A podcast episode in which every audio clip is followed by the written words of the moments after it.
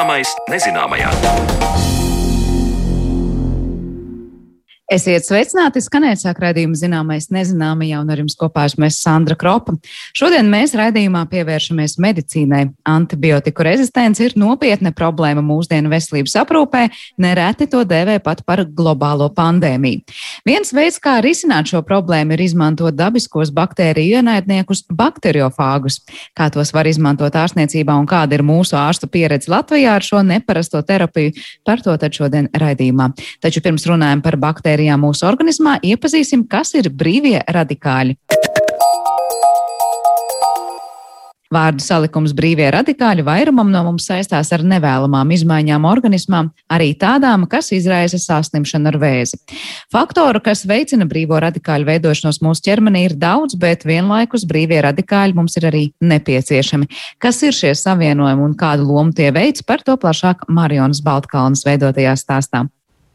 Brīvais radikālis ir līdzīgs kaķim, jo kaķis dara, ko grib, un neviens saimnieks tam neko nevar iestāstīt vai piespiest.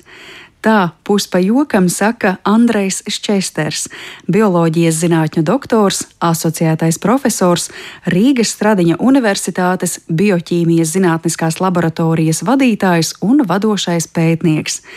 Ir pagājis mazliet vairāk nekā gadsimts kopš tā brīža, kad ķīmiķis Mūzes Gombergs uzsāka brīvo radikāļu izpēti. Līdz ar to zinātnē visai īsā laika periodā ir izdevies diezgan daudz izprast brīvo radikāļu dabu. Šobrīd jau zinām, ka brīvais radikālis ir atoms, molekula vai jons, kam ir vismaz viens brīvs elektrons, tātad elementāra daļiņa ar negatīvu elektrisko lādiņu, un šo brīvo elektronu tālāk var likt lietā dažādās norisēs. Brīvo radikāļu pasaule ir daudzveidīga, to veido vairākas grupas. Ir skābekļa un slāpekļa brīvie radikāļi, ir skābekļa un slāpekļa aktīvās formas, un tām pieskarsimies arī tālākajā sarunā. Stāstu turpina Andrejs Šķesters. Pats pirmais tāds brīvais radikālis, kurš varētu teikt eh, vienas pasakas, vārdiem ir maigs kā jēriņš. Tas ir superoksīds vai eh, zinātniski izsakoties superoksīda aniona radikālis. Nekādu sevišķu ļaunumu viņš nevar nodarīt. Līdz kamēr viņš satiek, piemēram, brīvu dzelzceļa jonu, brīvu varajonu. Brīvie radikāļi, tad sākot no superoksīda, sāk dzīvot, nu, nosacīt savu dzīvi. Īsu, bet vienalga. Pieņemsim, satiekās ar slāpekļa oksīdu, veidojas ļoti spēcīgi slāpekļa mm, radikāļi. Savienojas ar chlorātomu, kas arī mums ir organismā. Tāpat mēs ļoti labi zinām par uh, fagocitozes procesiem, par fagocītiem, kad nu mūsos ir nokļuvusi kāda sēne, vīruss, baktērija vai galu galā vienkārši skabarga. Tad organisms pats par sevi mobilizē uh, fagocītus, un fagocīti tad izmanto arī vienu no nu, es gribētu teikt, visaktīvākajām, viskodīgākajām, visagresīvākajām uh, brīvo radikāļu formām, kur radikālim ir pievienots chlors. Maisaimnieces noteikti ļoti labi zina, ka kādreiz, un arī vēl tagad, ir ļoti daudzi tīrīšanas līdzekļi, kuros izdalās aktīvais chlors. Apmēram tāpat, protams, uh, nesalīdzināmi zemākās koncentrācijās ir arī fagocitos procesos. Kādreiz man studenti arī saka, bet uh, pasniedzēji ir taču tik daudz sintētisku, dabisku antioksidantu. Ja? Nu, paņemsim vienu sauju un, un nebūs vairāk to brīvo radikāļu, kuri tik tiešām cauršauj. Ja tā varētu teikt, uh, šūnas membrānas. Un salīdzinot ar viduslaiku pilsētu, viduslaiku mūriem, tad šāda pilsēta kļūst par caurstaigājumu sētu. Jo, ja pirms tam uh, vārtos stāvēja sardze, kura vienu laid iekšā, citu atkal met ārā no tās pilsētas, viņam tur nebija ko darīt, viņam bija jālabojas, lai viņš tiktu atpakaļ pilsētā, tad ļoti līdzīgi mēs varam runāt arī par šūnu, salīdzinot šādi. Un tad vairāk nedarbojas. Sargi vairs nav vajadzīgi. Viņi neko nevar veikt. Jo visi, kas grib iet iekšā šūnā, visi, kas grib iet ārā no šūnas, un faktiski šūna ir beigta. Kas eh, ir tas, ko kaitīgie eh, faktori gan eh, no ārvides, gan arī tie, kas varbūt mūsu pašu organismā veidojas, kas ir tas, ko šie faktori izdara? Tie rada vēl kaut kādas molekulas, kas sekmē šādu brīvo radikāļu veidošanos, vai tie paši jau iedod gatavā veidā brīvus radikāļus? Principā viss, kas notiek no ārpuses, pastiprina un var pātrināt kaut kādus procesus. Nu, pieņemsim ļoti vienkāršs piemērs, manuprāt. Mēs elpojamies nu, nevisai tīru, teiksim, putekļainu gaisu putekļi, un tāpat attiecībā par smēķēšanu. Tātad tur ir darba, tur ir pelni, lai cik arī labi būtu filtri. Jebkurā gadījumā netiek pārķertas absolūti visas daļiņas salīdzinot ar to, kas mums ir tīrā gaisā, nosacīti tīrā gaisā. Šie svešķermeņi, jo citādi viņus nenosauksi, nogulst uz eh, bronhu teiksim, sieniņām. Viņi dod kairinājumu, Tātad organismam vajag atbildēt uz kairinājumu ar pretreakciju. Mēs jau zinām, ka viena no pretreakcijām ir organizēt tā sakot, fagocitos procesus, jā, aizsargāt. Tas ir un līdz ar to veidojas. Jā? Principā tas ir tas pats. Tad jau mums jāpāriet uz nākamo soli, jārunā par uh, stresu, jeb uh, gudri izsakoties oksidatīvo stresu, kurš principā sastāv gan no tā, ka mēs uh, saņemam kaut kādu ārvides kairinājumu, un ne tikai putekļus, tā ir arī temperatūras krasas izmaiņas, tā ir elektromagnētiskais starojums. Protams, mēs varam runāt arī par radiāciju, mēs varam runāt par ķīmisko aģentu ietekmi un, un tā tālāk, un tā joprojām. Mēs tik tiešām ilgus 11 gadus esam strādājuši kopā ar uh, Pauli Stradiņa Klinisko universitātes slimnīcu, kad izvērtēja, ik gadus izvērtēja černobiliešus.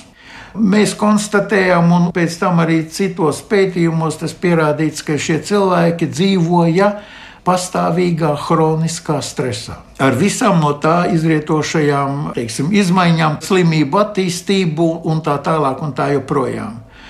Un e, praktiski to pašu mēs dabūjām arī tagad saistībā ar Covid, kad pēc slimības, covid pacienti, nosacīti, kuri ir pieskaitāmi pie jau izveseļojušamies, viņiem ir ļoti tuvu tam stāvoklim, kādu mēs redzējām Černobiliešiem pēc 11 gadiem, kā viņi bija Černobiļā. Slikta pārtika, pārslodze sportā vai tieši otrādi - nesportošana, tāpat arī izdegšana visam mūsu organismā ir nozīme, un tas viss var sekmēt brīvo radikāļu veidošanos, tostarp jūsu iecienītā šokolādes konfekte. Mēs noēdam konfekti, pieņemsim, ja? garšīga, forša, brīnišķīga, ja? mums patīk bet mēs esam palaiduši psihoemocionālo stresu. Ja, tā, tad, ja tas ir stress, tas nozīmē, ka mums ir pieauguši arī brīvie radikāļi. Imunoloģija, ja imūna aizsardzībai, imūnkompetentajām reakcijām, nu, viņas nevar realizēties, ja mums nav noteiktā daudzumā arī šie ārkārtīgi agresīvie brīvie radikāļi. Tā kā to konfekti reizēm vajag apēst. Jā, jā, jā. jā. Un to, to foršāko, pēc kuras parasti kārojas. Jo to, ko mēs varam nopirkt uz vietas, tas ir labi, bet mēs aizbraucam kaut kur, un tā ir speciāla, tā ir sevišķa konfekte. Jo lūk, viņi nopirkta, nu, piemēram, Briselē, jā, un tur vēl citas emocijas var paķert Briselē arī pie čurājoša puisēna, kur blakus ir veikaliņš. Tātad tur būs arī redzes kairinājums kurš pats par sevi arī dos mums brīvos radikāļus redzēt. Tad ceļojumi arī protams, ir ceļš uz brīvajiem radikāļiem. Protams.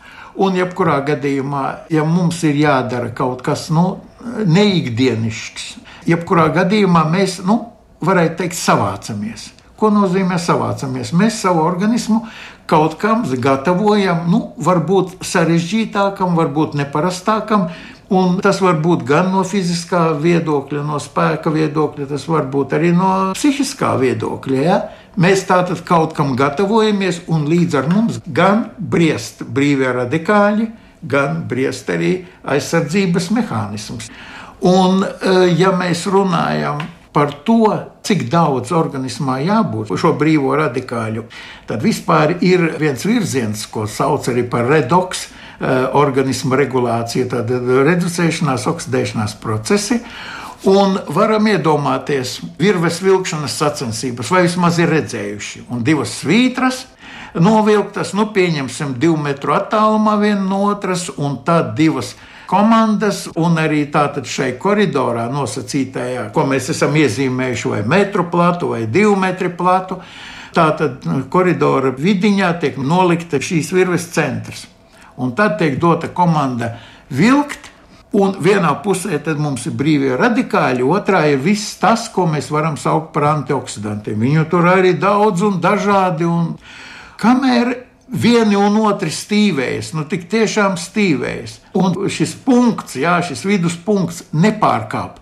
Neaiziet ārpus vienas robežas vai otras, mums ir brīnišķīga dzīve. Mums ir tik, cik vajag brīvo radikāļu, viņi arī organismā ir.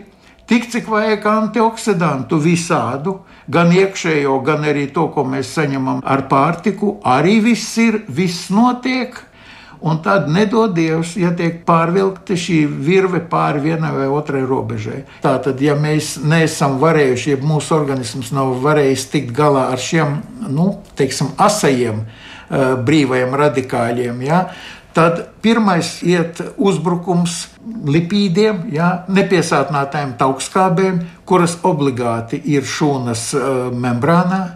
Nākamais solis ir proteīni, jeb olbaltumvielas Un uh, trešais solis - onkoloģija, respektīvi uzbrukums dezoksiribonukleīna skābēm, ribonukleīna skābēm un jau ģenētiskajam aparātam, visiem tiem procesiem, kas veido, attīsta un, un nu, galu galā atražo šūnas.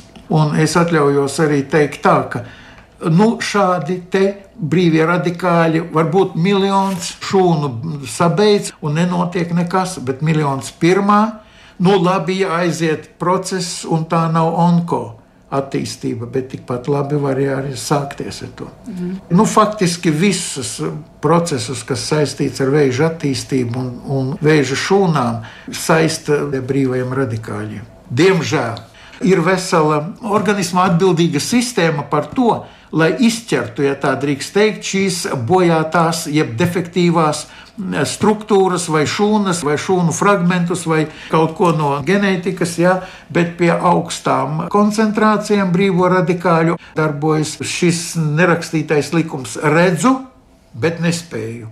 Es redzu, ka man tur būtu jāpiedalās, ka ir jāpārķer, jānovirza, jānovāc vai jālabo, bet es nespēju. Jo brīvie radikāļi tādā koncentrācija ir nobloķējuši arī šos labotāju mehānismus. Un tas process aiziet tālāk, dziļāk un neatgriezeniskāk. Un līdzīgi ir uz otru pusi.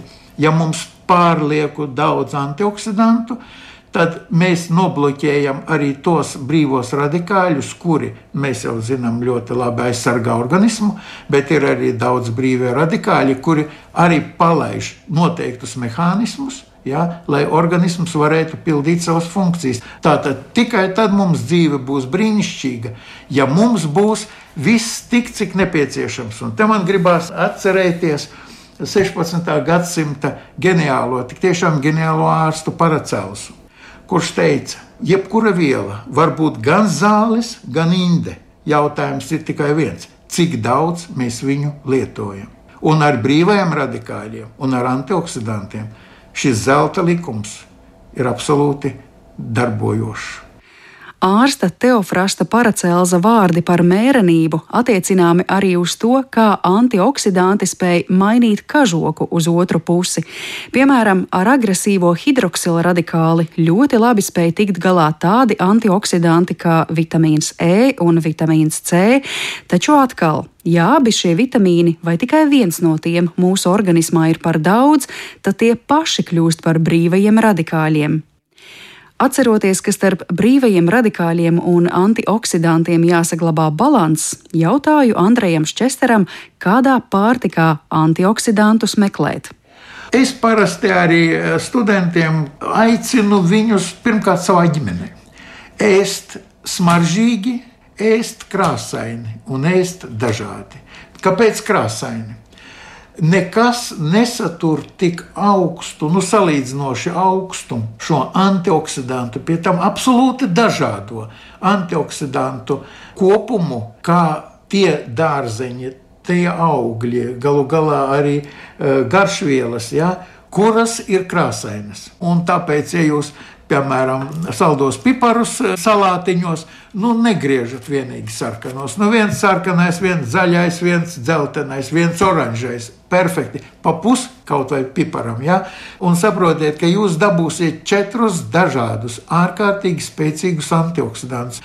Tāpat viss, kas ir smaržīgs. Tas ir vesela smaržu buķete ar ārkārtīgi daudz dažādiem, sarežģītākiem pēc ķīmiskās struktūras vai vienkāršākiem.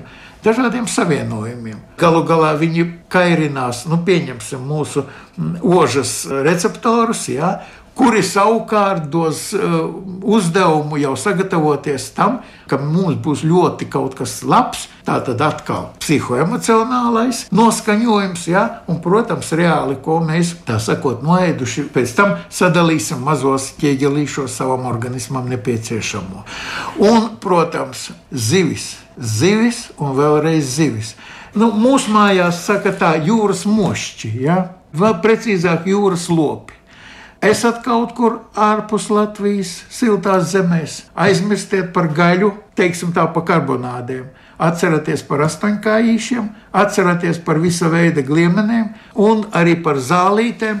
Un kaut vai to nedēļu, divas pārējiet lūdzu uz šo nosacīti vidus jūras dietu. Andrejs Česters ar saviem kolēģiem savulaik izstrādājis ārstniecisko sejas krēmu pacientiem ar metabolo sindromu, kas ietekmē daudzas orgānu sistēmas, tostarp ādu. Krēms pētījumā devis rezultātus, bet vēl labāki rezultāti novēroti tiem pacientiem, kuri krēmu lietojuši kopā ar iekšķīgi uzņemtiem antioksidantiem, proti selēna tabletēm. Jā, var gadīties reklāmas triki konkrētu produktu, tostarp sintētisko vitamīnu patēriņam, bet nevienmēr. Attiecībā uz selēnu dienā var izdzert vienu tableti aptiekā iegādāta selēna, bet dienas devu var iegūt arī ar 3,5 kg ķiploku. Izvēle ir katra paša ziņā. Dzirdējām Marijas Baltkalnes sižetu par brīvajiem radikāļiem, bet par bakteriofāgiem, baktēriju apēdājiem saruna raidījuma turpinājumā.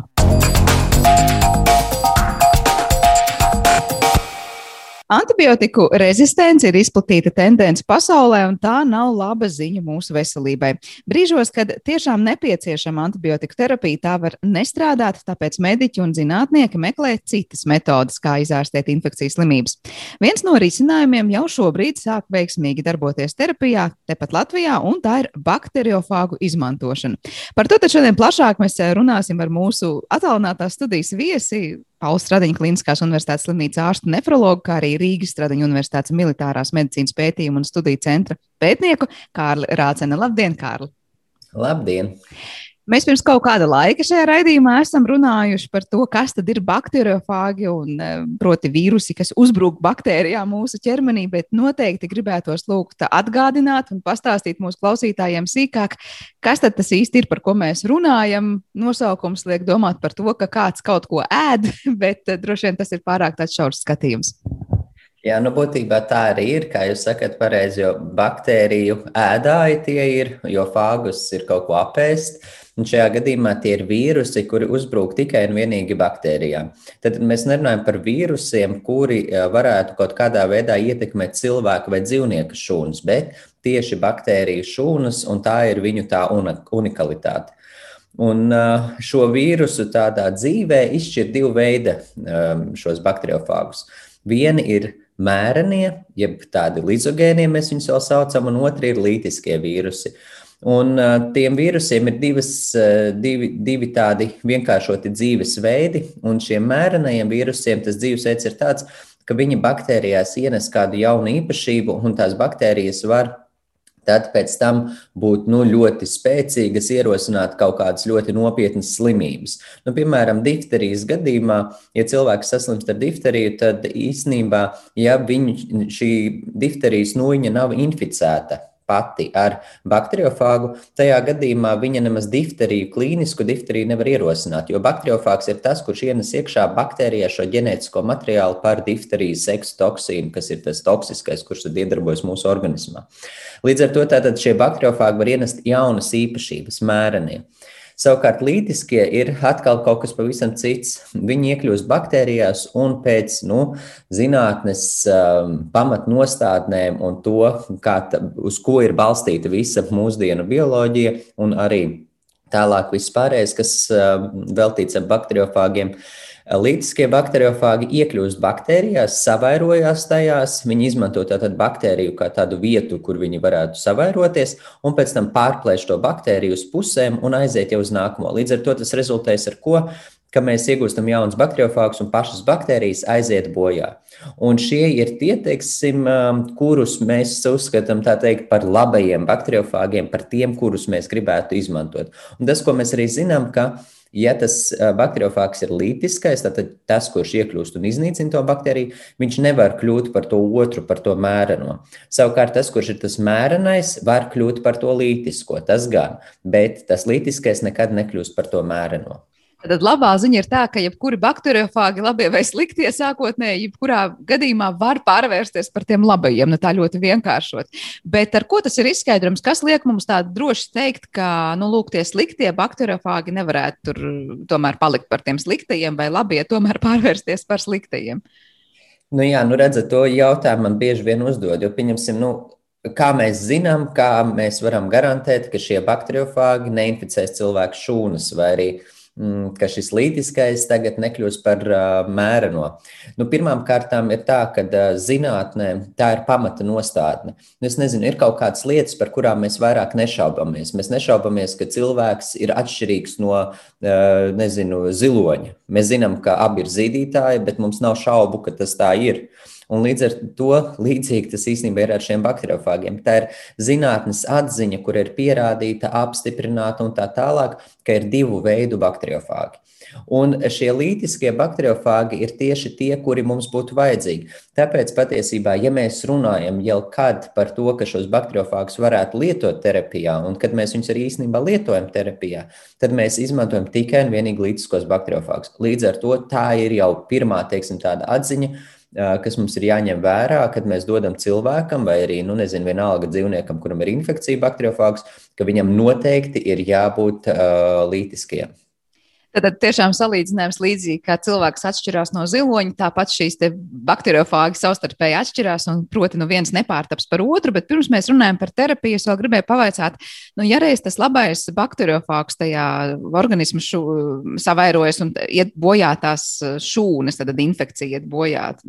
Kas notiek pēc tam, kad tas bakteriofāgs būs iznīcinājis to pēdējo šūnu? Proti, kur viņš pats paliks? Vai viņš eh, vienkārši mēs viņu izvadīsim no organismu, viņš paliks dzīvot kaut kur mūsu organismā? Jo viņam jau, kā jau vīrusam, laikam, vajag kaut kādu saimnieku šūnu, kurā būt.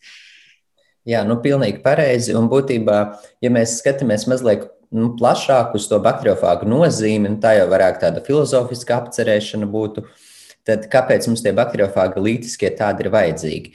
Tāpēc, kad uh, ekosistēmās un, un dabā ir uh, izveidots tā, ka ir jābūt visu laiku tomēr kaut kādai uh, nu, savstarpēji miedarbībai. Jo, ja mums nebūtu faktoru, kas spētu iznīcināt baktērijas, tad tās baktērijas savairotos un vienkārši aiz, pāraugtu pāri visam, un tā nu mēs dzīvotu baktēriju ieskaut, un kur nu mēs ietu, tur uzreiz būtu visas sliktās baktērijas. Bakteriofāgu loma ir ekoloģijā nodrošināt to, lai, bak lai šīs baktērijas nevairotos pārāk daudz. Līdz ar to tā vieta, kur tie bakteriofāgi visvairāk arī atrodas, ir visnetīrākie ūdeņi, ko mēs varam iedomāties. Tie ir kanalizācijas, piemēram, ūdeņi, tie ir notekūdeņi, tās ir netīras upes, piemēram, ļoti bagāts bakteriofāgu avots ir Gangas upe Indijā. Un tur viņi ir pētīti vairākas reizes. Tieši tās vietas, kur notiek aktīva cilvēku līķu laišana upē, kur notiek mazgāšanās tā tālāk. Un jūs zināt, ka tiek uzskatīts, ka Gangas ūdens ir svētais ūdens un ka cilvēkiem ir jāņem no turienes ūdens un tad jāmazgās un tā tālāk. Un viena no tām hipotēzēm, bet nu, tā ir tikai hipotēze, ir ka tas ūdens ir tik bagāts ar, ar baktērijām, ka teorētiski vajadzētu iet iekšā un uzreiz saslimt ar bakteriālu infekciju, bet tas nenotiek, jo tur ir ļoti augsta bakteriofāga koncentrācija. Un visu laiku notiek tāda kā cīņa un miedarbības ar bakteriofāgiem un baktērijām. Jo kas notiek tajā brīdī, kā jūs prasiet, Kad vairs nav baktērija, tad tie bakteriofāgi aiziet bojā. Agrāk vai vēlāk viņi aiziet bojā, viņi nav stabili, viņi, viņi vienkārši nespēja pastāvēt vieni paši. Ir tādi, kas var ilgstošāk izdzīvot, varbūt tās tas daudzums viņu nokritīsies, bet kopumā viņi aiziet bojā. Un, ja mēs viņus, piemēram, ievedam cilvēku organismā, tie ir arī pētījumi, piemēram, asinsritē vienas minūtes laikā. No viena miljona bakteriofāgu mēs iegūstam tikai kāds desmit tūkstoši nu, tūkstoti, desmit tūkstoši, tad lielākā daļa aizies bojā. Un to arī mēs eh, zinām un rēķinamies, kad mēs dodam viņus terapijā. Līdz ar to viņus diezgan ātri eh, gan mūsu organisms, gan arī daba iznīcina. Piemēram, temperatūra, augstas temperatūras ļoti bakteriofāgiem nepatīk. Temperatūra virs 60 grādiem viņiem ļoti nepatīk. Saules stari nepatīk, UV stari. Līdz ar to visi šie aspekti viņus iznīcinās un nebūs tā, ka viņi tur mūžīgi dzīvos. Bet, protams, ka mēs viņus varam atrast un patiesībā runājot, kur tad tos bakteriofāgus vislabāk atrast, tas ir šajos netīrējos ūdeņos. Un, un savas um, promocijas darba izpētes sākumā arī mēs izdalījām atsevišķus bakteriofāgus, un tos izdalījām tieši no kūtsmēslu ūdens. Nu, mēs braucām tātad uz laukiem pie manas sievas, un mēs paņēmām tos kūtsmēslu ūdeni, un, un, un tur mēs ieguvām ļoti labus zarnu nūjiņas bakteriofāgus. Tad uzsveram tos labos, ja bakteriofāgus. Ja, tos, tos. Uh, labi, viena lieta ir tagad uh, upes ūdeņi vai kūtsmērs ūdeņi, kur tad dabā mēs varam pie tiem bakteriofāgiem tikt. Bet kā tas notiek šobrīd, ja mēs jau runājam par terapiju? Nu, protams, neviens viņus neiet un no kūtsmēsliem droši vien nepaņem, ja? bet uh, vai tiek audzēti kaut kādos īpašos apstākļos laboratorijās, nu tādas kā bakteriofāgu fermas, es nezinu, kā lai nosauc. Kā tas notiek? Jā, nu, reāli ir tā, ka mm, tie bakteriofāgu pluss un varbūt reizē arī mīnus ir tāds, ka viņi ir ļoti specifiski. Tad vienai konkrētai baktērijai nederēs jebkurš bakteriofāgs. Tur būs konkrētais bakteriofāgs, kurš mums ir jāizmanto. Tas ir viens. Otrs ir tas, ka nevienmēr viņš varēs iznīcināt šo bakteriofāgu, tad tas laba, to baktēriju, tas labais bakteriofāgs. Un vēl ir šī geogrāfiskā atšķirība. Piemēram, tie bakteriofāgi, kuri strādā Latvijā, iespējams nestrādās Francijā vai Amerikas Savienotajās valstīs. Tā ir tāda geogrāfiskā atšķirība. Bet mēs esam arī veikuši pētījumus, jo lielākais bakteriofāgu izpētes centrs ir Grūzijā. Un mēs strādājam, protams, ar pacientu kultūrām, ar pacientu baktērijām, kuras pacientiem reāli ir ierosinājušas smagas, nopietnas slimības. Un tad mēs esam skatījušies, Nu, kā tad eh, tie bakteriofāgi, kas ir no Grūzijas ar lielāko kolekciju, kur mums ir sadarbība, eh, kuri ir izpētīti, viņiem ir viss eh, genoms skatīts, vai tur nav nekas slikts iekšā, vai viņi 100% ir šie labie lītiskie, vai viņi ir stabili, vai viņus var izmantot terapijā. Un, jā, viņus var izmantot, un tad, kad mēs skatāmies, kā viņi strādā uz mūsu šo pacientu kultūrām, baktēriju, mēs redzam īstenībā, ka efektivitāte ir laba, bet viņa ir tiem bakteriofāgiem, bakteriofāgiem, kuras, kur, kur pašiem gruzīniem nav laba efektivitāte. Var sakot, mums sanāk pretējais. Tur, kur viņi saka, ka šis ir ļoti, ļoti plašs efekts, mums sanāk mazs efekts. Sa, nu, savukārt, tur, kur viņi saka, ka ir šaurs efekts, mums sanāk diezgan plašs.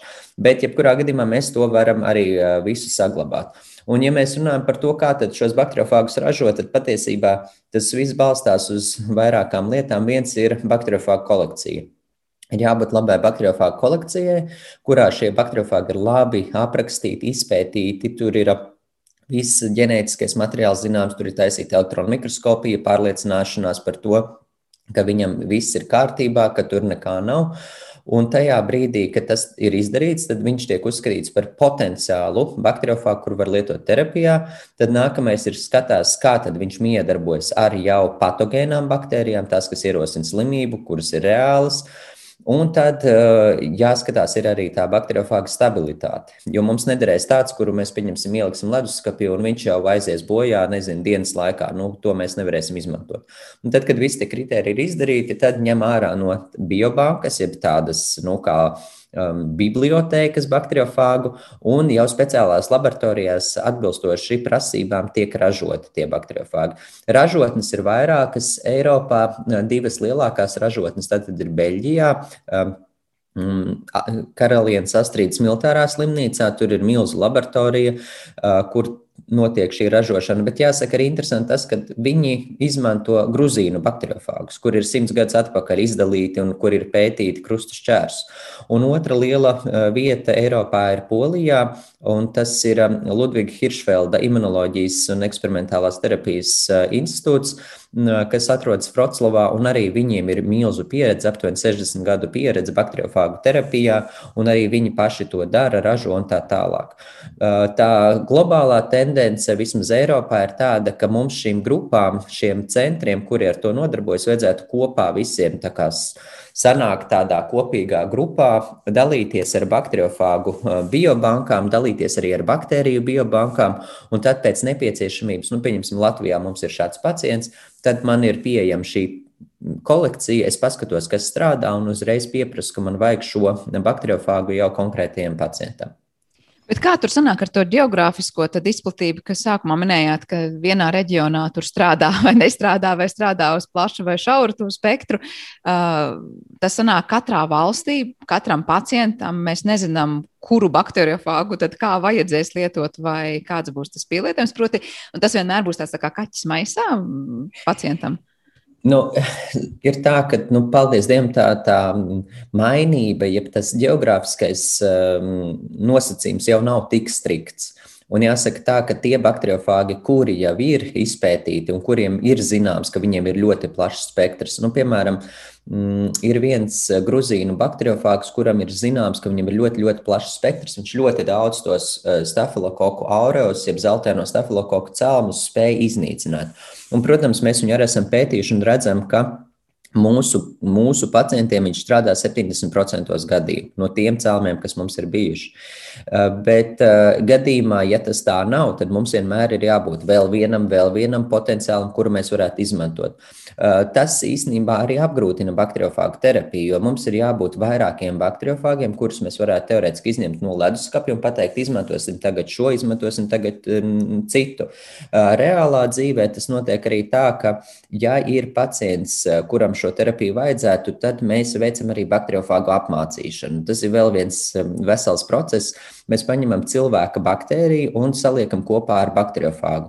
Mēs viņus apmācām, mēs reāli apmācām to bakteriofāgu laboratorijas apstākļos, lai viņš spētu, varbūt sākotnēji viņš to nevarēja izdarīt, bet tagad, lai viņš spētu iznīcināt to baktēriju, un to sauc par bakteriofāgu adaptāciju, tas aizņem aptuveni divas nedēļas. Mēs arī to esam pārbaudījuši, un tas strādā. Un beigās mēs iegūstam apmācītu bakteriofāgu konkrētajam pacientam, kuru mēs varam izmantot jau ārstēšanā. Bet, redzat, galā mēs viņu apmācām, bet mums vajag atkal viņu saražot un pārliecināties, ka tur viss ir kārtībā, ka tur nekas nav mainījies. Līdz ar to tas aizņem nedaudz vairāk laika. Tas var aizņemt aptuveni līdz diviem mēnešiem. Nu, jebkurā gadījumā, es domāju, ja cilvēkam nepalīdz antibiotikas, tad divu mēnešu griezumā, ja ir iespējams atrast mm, terapijas veidu, tas, protams, ir jau labas ziņas. Bet vai var notikt pretējais tajā apmācības procesā, proti, ka bakteriofāks līdzīgi, kā mēs sakām, antibiotikas, jā, tad, tad ir iestājas rezistents, proti, nevis apmācās apēst to baktēriju, bet tieši apmācās sadzīvot ar baktēriju. Jā, nu, tā ir arī jau aprakstīts. Tad, kad pirmais, kas aprakstīja īstenībā mm, šos visus fenomenus, bija, tie bija divi zinātnieki, kuri neatkarīgi atklāja bakteriofāgus. Tas bija Tvorts un Derels. Un viņi aprakstīja, ka ir uzreiz tātad bakteriofāgi, kur iznīcina baktērijas, bet tai pašā laikā ir baktērijas, kuras ir rezistents pret tiem bakteriofāgiem. Un tā arī realitātē notiek. Tad, kad mēs dodam bakteriofāgus, tur nav kā ar antibiotikām. Antibiotikas nogalina pilnīgi visu. Pirmkārt, antibiotikas strādā uz vairākām baktērijām, pat vairākām sugām baktēriju, bet bakteriofāgi strādā uz konkrēti vienu baktēriju. Un parasti ir arī tā, ka Bakteriofāgs nenogalinās visas baktērijas, dažas kļūst rezistentas, bet mums nav medicīnā nepieciešams, lai nogalinātu visas baktērijas, arī ja tās ir tās ierosinošās slimības. Tāpēc, kad e, tā doma ir samazinot baktēriju daudzumu organismā, mūsu organisms spēj tikt galā ar pārējo. Galvenais ir tas lielums, to lielumu nogalināt. Un, protams, ka rodas šī rezistence, un arī runājot par to, ko jūs pirms tam jautājāt par to, nu, ka tie bakteriofāgi varētu arī nestrādāt, tad izmanto bieži vien kokteļus. Tātad paņem vienai baktērijai, saliek sešus dažādus bakteriofāgus ar domu, ja nu ir kāds rezistents, tad mums būs kāds cits, kurš varbūt nebūs rezistents. Un, ja nu tā rezistence attīstīsies, tad notiks tā mainība, un tad līdz ar to mēs izmantojam tos bakteriofāgu kokteļus. Un tā ir diezgan izplatīta prakse. Parasti īstenībā mēs arī izmantojam divus uzreiz bakteriofāgus ar tādu domu, ja kaut kāda mainība notiek, lai mēs būtu nodrošinājušies. Galvenais, lai tie bakteriofāgi kopā labi draudzētos tajā kokteilī. Eh, bet eh, šobrīd izklausās nu, ļoti skaisti, un, ja tas viss izdotos, es tā uzreiz iedomājos, tā tiešām ir tāda, nezinu, vai leduskapis vai plaukts pilns ar kaut kādām burciņām vai kastītēm, no kurienes tik ņemam vajadzīgo un tad dodam pacientam. Bet, eh, ja mēs salīdzinām šobrīd ar tiem aptieku plauktiem, kuros ir tie medikamenti sakrauti kastītēs, Kā būtu ar šiem bakteriofāgiem? Tās tiešām būtu katra pudelīte vienai konkrētai slimībai, vai nu, kāds ir tas klāsts, par kurām vispār saslimšanām mēs runājam, kur ar bakteriofāgiem varētu būt risinājums? Nu, bakteriofāgu mūsdienu risinājums joprojām ir tā ir eksperimentāla terapija. Tātad tā ir terapija gadījumā, ja nekas cits nestrādā. Un tas ir tas gadījums, kad ir vai nu milzīga antibakteriālā rezistence, vai arī dodot antibiotikas, mēs panākam ļoti smagas blakus parādības zināmas. Un tad, tad mēs zinām, ka vairāk šīs antibiotikas mēs nevaram dot. Nu, piemēram, pēdējā pacienta, kurai es vēlējos dot bakteriofāgus um, un kurai nebija citas iespējas, bija ar nieras transplantātu, un uh, viņai bija ļoti rezistents baktērijas, un uh, viņai antibiotikas bija divas, kuras mēs varējām dot, bet šīs divas antibiotikas ierosināja ļoti smagu, uh, smagas blakus parādības. Un gadījumā, ja mums ir bakteriofāgi, mēs zinām, ka šīs blakus parādības viņām nav, un, tā, diemžēl, šīs pacients gadījumā mums nebija efektīvu bakteriofāgu, kurus mēs varētu iedot. Mums bija jāturpina antibiotikas, kas beidzās patiešām ar šo blakus parādību attīstību, ar daļai dzirdes zudumu un pacientēs visu dzīvi. Tad saprotiet, cik tas īstenībā ir nopietni. Um, Un līdz ar to tad, um, tā terapija ir bāzēta uz praktiski jebkuru infekciju, kuru mēs nevaram izārstēt ar antibiotikām. E, bakteriofāgiem ir jābūt pēc iespējas lokāli ievadāmām. Jo vairāk mēs tuvāk tiekam tai vietai, kur tā infekcija atrodas, piemēram, tā ir brūce, mēs izska, iz, izlējam šos bakteriofāgus suspensijas veidā uz brūci. Ja pieņemsim, tā ir kaut kāda infekcija kaulos, tad mums vajadzētu viņu dabūt arī iekšā kaulu struktūrā. Pēc iespējas lokālāk. Ja nu tas nav iespējams, tad mēs varam dot arī intravenozi, tātad sistēmu veidā mēs arī to darām, bakteriofāgus ielaižam un skatāmies, kā tad nu viņi strādātu. Te uzreiz ir jāsaka, ka tie, tās pieejas ir dažādas. Viena pieeja varētu būt, ka aptiekās ir pieejami kokteļi, kurus nu, tad, pēc atbilstošās infekcijas farmaceits iedod pacientam pēc receptes un tā tālāk, kā nu, tas ir pieņemsim Gruzijā, kad pacients varētu izmantot. Uh, Bet ņemot vērā to, ka tā terapija ir ļoti sarežģīta, tas diezgan reti, kad labi strādā. Un tas sanāk tā, ka nu, liekas, ka kaut ko tu tā kā iedzer, bet tas neko īstenībā efektu nedod. Tāpēc realitāte, es domāju, ka būs tāda, kāda tā ir šobrīd, ka ir ļoti strikti noteikumi, kā mēs tos bakteriofāgus dodam.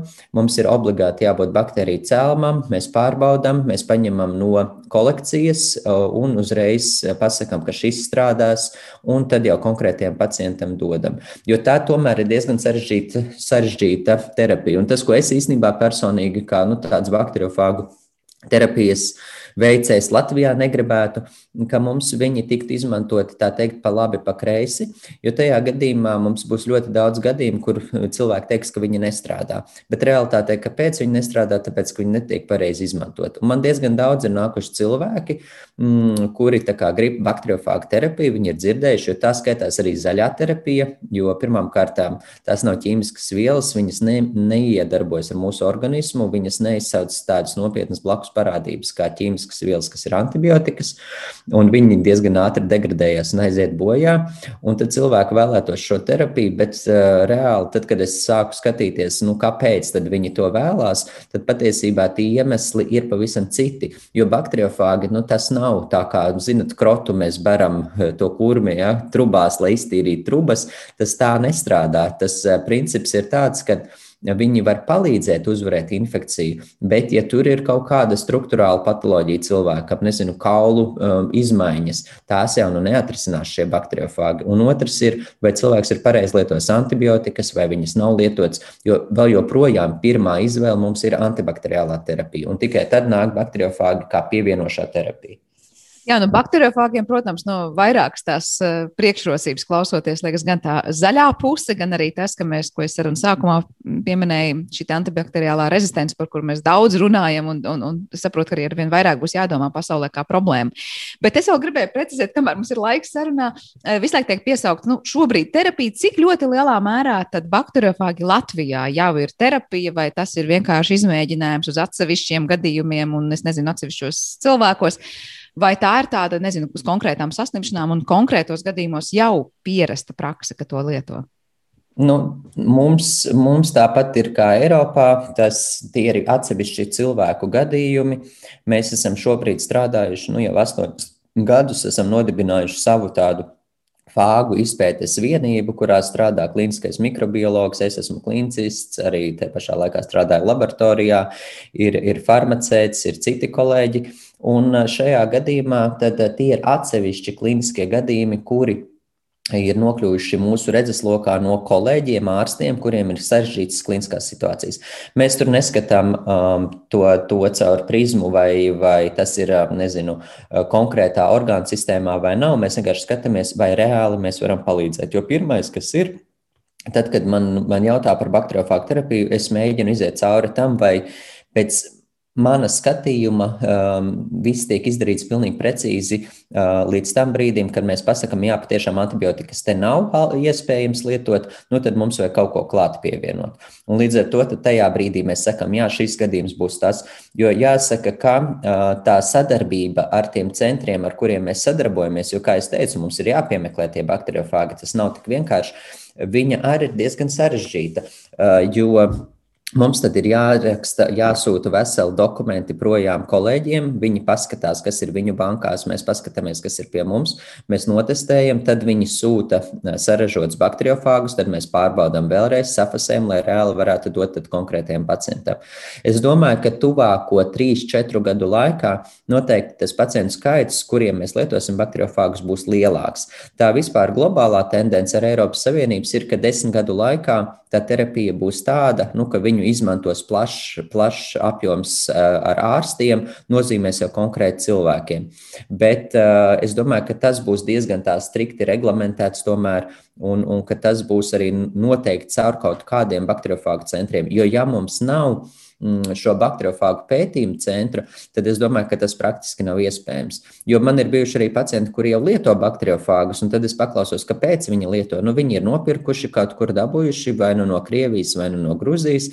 Bet tā efektivitāte nu, nebūs labi. Viņiem plasība efekts var strādāt. Tas jau vienmēr ir nu, ar savu, savu kaut kādu artavu, bet realtātē pret to konkrēto baktēriju, pret ko viņi cīnās, nu, tas nebūs iespējams. Bet tad sanāk Latvijas gadījumā, protams, mēs neesam tā vieta, kas varbūt līdzīgi kā tur Beļģijā audzēs šos bakteriofāgus, bet es saprotu, pētniecībā un terapijas kontekstā reģionāli mēs varam kā iekarot savu vietu šajā, šajā jomā. Jā, es domāju, ja viennozīmīgi, un es arī nebūtu tik skeptisks, ka mēs viņus audzēsim. Mēs jau viņus audzējam šobrīd.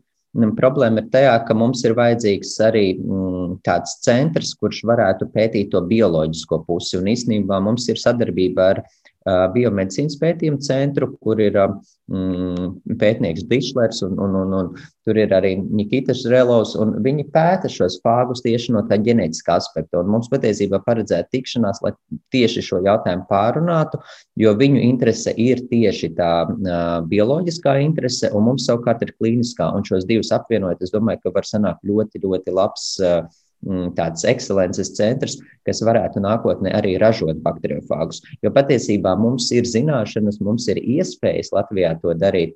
Mums tagad tās vienkārši ir jāiet tālāk, nākamie soļi. Tā kā es īstenībā nebūtu skeptisks par to, ka mums būtu pašiem sava mm, bakteriofāgu audzēšanas iespēja un tā tālāk, bet ar to, diemžēl, nepietiks. Jo jebkuram centram, kuram Eiropā tāda ir, viņi tik un tā sadarbojas ar citiem. Un tā doma ir, ka būtu viena kopīga biobanka visā Eiropas Savienībā. Jā, lūk, saliekot kopā visas tās puses, iespējams, ka tas varētu būt viens no Latvijas tiem veiksmīgiem aspektiem, kurā tiešām reģionāli un arī Eiropā sev pieteikt. Bet vēl es gribēju pavaicāt, ja reiz par militāro arī mēs pieteikumā runājām medicīnu, vai tieši militārajā jomā bakteriofāgi tiek uztvērti ar kaut kādu ļoti lielu potenciālu, jo es iedomājos arī nu, vietas, kurās varbūt karavīri daudzreiz uzturās un apstākļi, kādos viņi uzturās.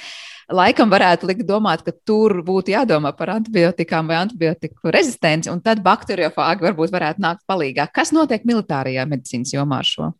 Mm -hmm. nu, īstenībā mm, tas, tā izpēte mm, Eiropā, nu, tādā rietuma Eiropā, ir sākusies tieši caur militārās medicīnas prizmu. Jo bieži vien militārā medicīnā drīkst veikt kaut ko daudz vairāk tādu, ko mēs nespējam veikt civilajā medicīnā. Un patiesībā mēs esam tikuši tik tālu ar šo bakteriofāgu terapiju, pateicoties NATO sadarbības grantiem un projektiem, kur es esmu pārstāvis šajā bakteriofāgu terapijā. Tur es arī iegūšu šos kontaktus, un tā arī es sāku sadarboties ar lielākajiem centriem Eiropas Savienībā. Un uh, militārai medicīnai tā ir problēma, jo karavīriem, kuri cīnās Afganistānā, Irākā, šobrīd arī Ukrainā, Viņiem ir ļoti augsts eh, inficēšanās risks tieši ar ļoti rezistentām baktērijām. Tāpēc, ka, diemžēl, eh, ne visās valstīs antibiotiku lietošana mm, tiek pienācīgi uzraudzīta un tā notiek eh, nu, nekontrolēta. Līdz ar to rodas ļoti daudz rezistentās baktērijas. Un ir pierādīts, ka tie karavīri, kur ir atvesti no Afganistānas un Irākas, ka viņiem šīs baktērijas ir patiešām ar ļoti, ļoti lielu rezistenci un ka tur tā antibiotika terapija ir ļoti ierobežota. Ja mēs skatāmies mūsdienu kontekstā, tad, tad aktuālā situācija ar Ukrajinu, zināms arī, ka tie karavīri, kuri atvesti no Ukrainas uz Latviju, Viņiem tiek pārbaudīts, vai viņu organismā ir šādas baktērijas, kuras ir rezistentas pret antibiotikām. Ļoti lielā daļā gadījumu, līdz pat 80% gadījumu, Viņiem ir baktērijas, kuras ir ļoti, ļoti rezistentas un kurām praktiski ir viena, varbūt, antibiotika, kuras mēs varētu izmantot. Tātad viņiem obligāti būtu jātur kaut kur mums skapītī bakteriofāgi gadījumā, ja viņiem attīstās infekcija, jo savādāk viņiem tas nozīmē ļoti strauju bojāju. Un otrs ir tas, kāpēc militārā medicīnā Jo mm, īstenībā Padomu Savienībā ļoti plaši izmantoja bakteriofāgus tieši armijas vajadzībām un izmantoja dzeramā ūdens attīrīšanai.